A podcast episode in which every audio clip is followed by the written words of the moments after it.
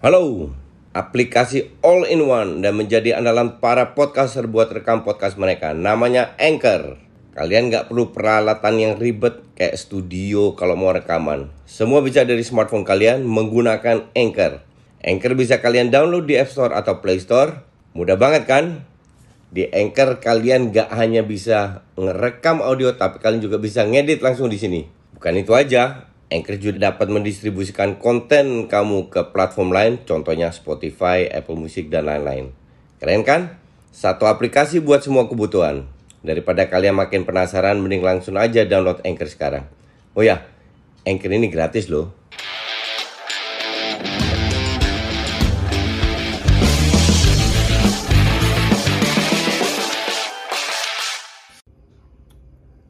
Hola, salam Just Talk. Um, hari ini tiga pertandingan, tapi sebelum ke sana, apa namanya, gue mau bahas kenapa uh, North London Derby di postpone.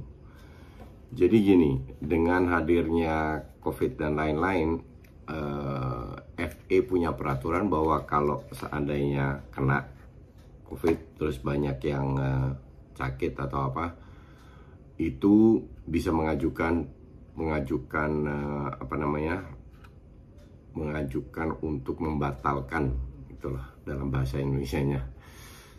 Um, dan Arsenal melakukan itu Arsenal mengajukan ke FA um, apa namanya dengan alasan pemainnya nggak cukup nah, emang nggak cukup.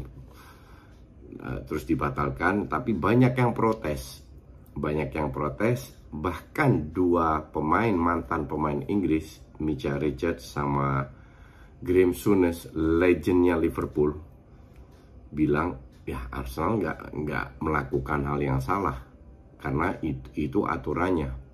Sebenarnya kalau kalian ngikutin gue, gue udah pernah protes itu. Pas Liverpool minta postpone uh, pertandingan di leg pertama semifinal Piala Kebo itu Liverpool cuma satu covidnya tapi ada tiga pemain yang ikut Piala Afrika dan juga banyak yang cedera. Di situ mereka minta postpone. Gol waktu itu juga bilang, loh sekarang aturannya apa sih sebenarnya? Apakah aturan ini diberikan uh, untuk apa namanya pemain yang kena COVID atau kalau kekurangan pemain? Jadi kalau kekurangan pemain ya nggak salah juga. Nah untuk gue agak aneh dalam arti ya emang risiko kalau kekurangan pemain apalagi ada Afcon dan lain-lainnya. Ya ternyata dikabulkan. Ya sudah kalau Liverpool dikabulkan kenapa Arsenal nggak bisa? Dan itu yang dilakukan oleh Arsenal murni memanfaatkan aturan itu. Chelsea sempat melakukan itu ditolak. Kenapa Chelsea ditolak? Karena masih banyak karena skuadnya mereka kan dalam. Jadi mereka masih punya banyak pemain yang bisa uh, lebih dari lima kalau nggak salah. Minimal lima pemain kalau lebih dari itu nggak uh, bisa di cancel. Nah, pada saat itu Chelsea memiliki pemain yang le lebih dari lima yang sering bermain yang yang yang masuk tim utama, maka dari itu ditolak. Jadi bukan salah Arsenal, murni salah FA. Kalau lu tahu Leicester setelah Afcon itu kalau nggak salah lima pertandingan mereka nggak main.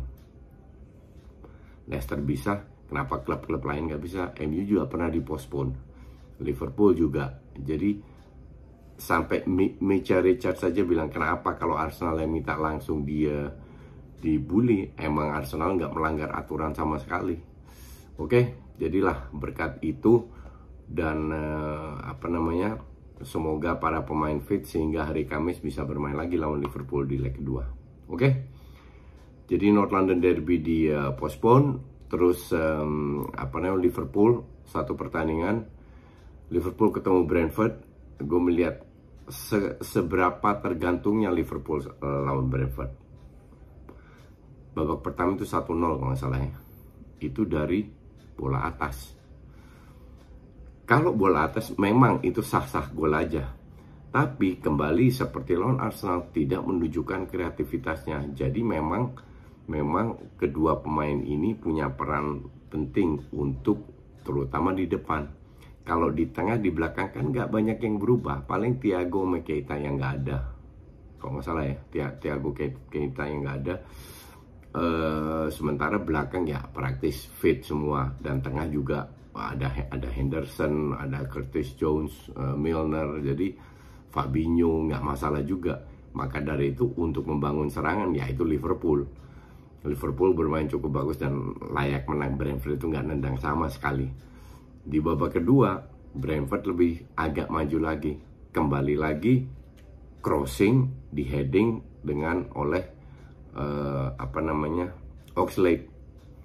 Golnya keren tapi kembali lagi bukan sebuah set play tapi heading.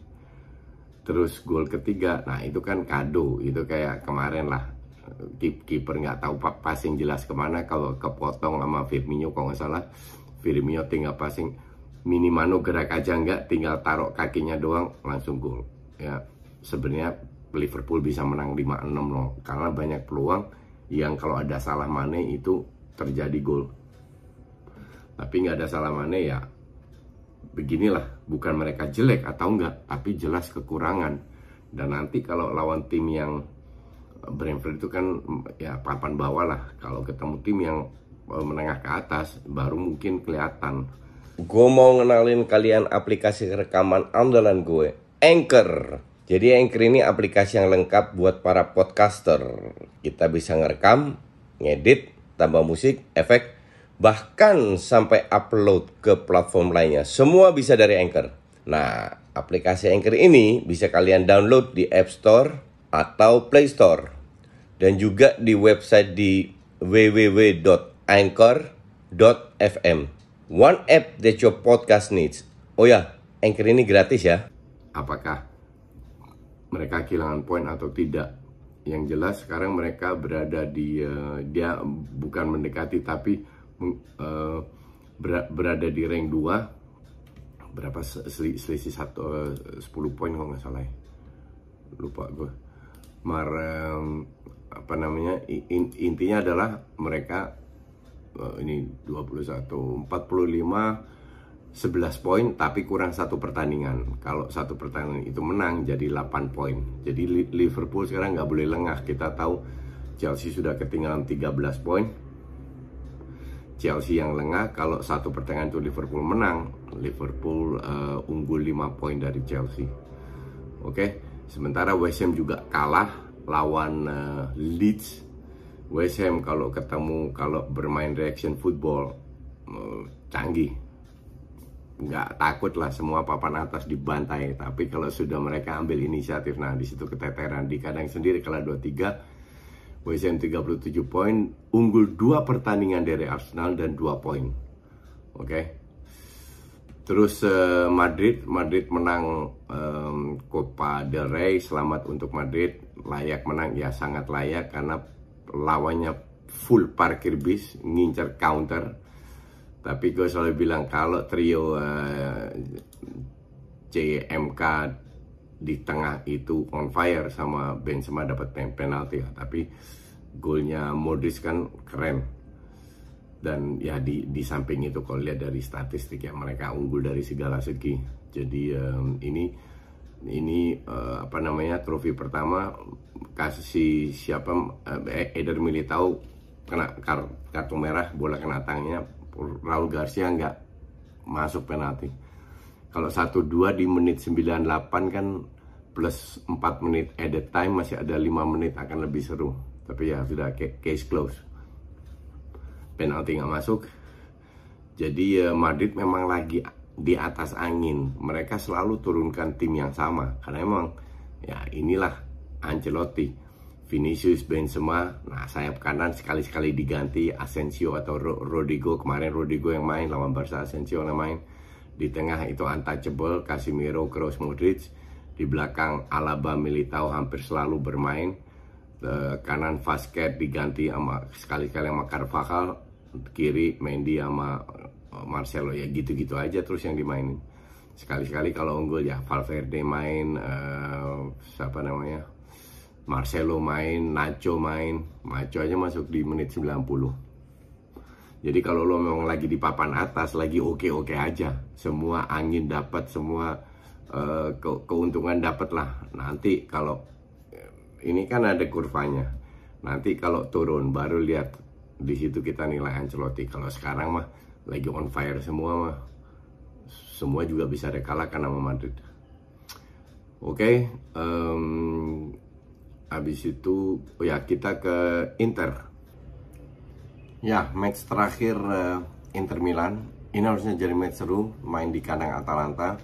Atalanta harus menang karena uh, fokus ke empat besar. Inter pun harus menang biar nggak ke Uber AC Milan. Ujung-ujungnya skor 0-0. Oke, okay? bagi hasil um, sekarang selisih dua poin tapi match ini seru. Kalau kita melihat data ya di situ uh, apa namanya? Di situ tertulis bahwa Inter Milan lebih menguasai pertandingan. That is not true. Bahwa mereka pegang bola lebih banyak iya. Karena gaya bermainnya yang lebih membangun serangan kiri kanan kiri kanan. Nah, nah sementara si Atalanta ini lebih ya 36 64 Atalanta ini lebih lebih direct mainnya. Bener-bener peluang itu dari detik awal sampai detik akhir peluang itu banyak banget. Tapi entah end passingnya jelek finishnya jelek kalau bagus kiper kalau syutingnya ke arah gong bagus kipernya uh, nepis itu ada total shot 12 banding 11 nah dari situ aja kelihatan ya cukup imbang lah. Chances created Atalanta 9 uh, eh, Inter 11 big chance 2 banding 2 nah yang salah satu yang kekurangan dari Atalanta yang membuat serangan uh, mandul ya itu akurasi passingnya. Atalanta itu cuma 76% sementara Inter 85% ini juga berhubung dengan dengan gaya bermainnya yang kiri kanan. Jadi uh, peluang untuk meningkatkan akurasi passing lebih tinggi lah. Tapi kedua tim ini ke ke arah gawang atau end passingnya itu buruk. Cuman ya seru aja dan dan finishingnya ya jelek. Finishingnya dua-dua jelek sehingga uh, sehingga match ini hanya berada dalam kategori create chances seru saling menyerang nggak ada gol cuman kalau gue bilang untuk gue sebagai fans netral gue bilang seru-seru aja. Karena di papan atas um, Inter sekarang 21 poin. Um, ya seperti yang gue bilang du sorry 21 match 50 poin. AC Milan 48 Napoli 43 Atalanta 42 dan semua bermain 21 pertandingan. Sementara Juve dan uh, Roma sudah bermain 22 pertandingan Roma menang 1-0 Juve juga kemarin Juve 4-1 Roma 35 nah besok Milan main Napoli main jadi mereka lebih unggul satu uh, pertandingan. Kalau Milan besok menang ya mereka berada di uh, rank satu selisih satu poin. Jadi di di di atas ini uh, apa namanya di Serie A lebih seru lah dalam arti untuk meraih papan atas um, apalagi udah itu aja kalau besok Milan sama Napoli bagus gue akan bikin video itu oke okay? thanks for watching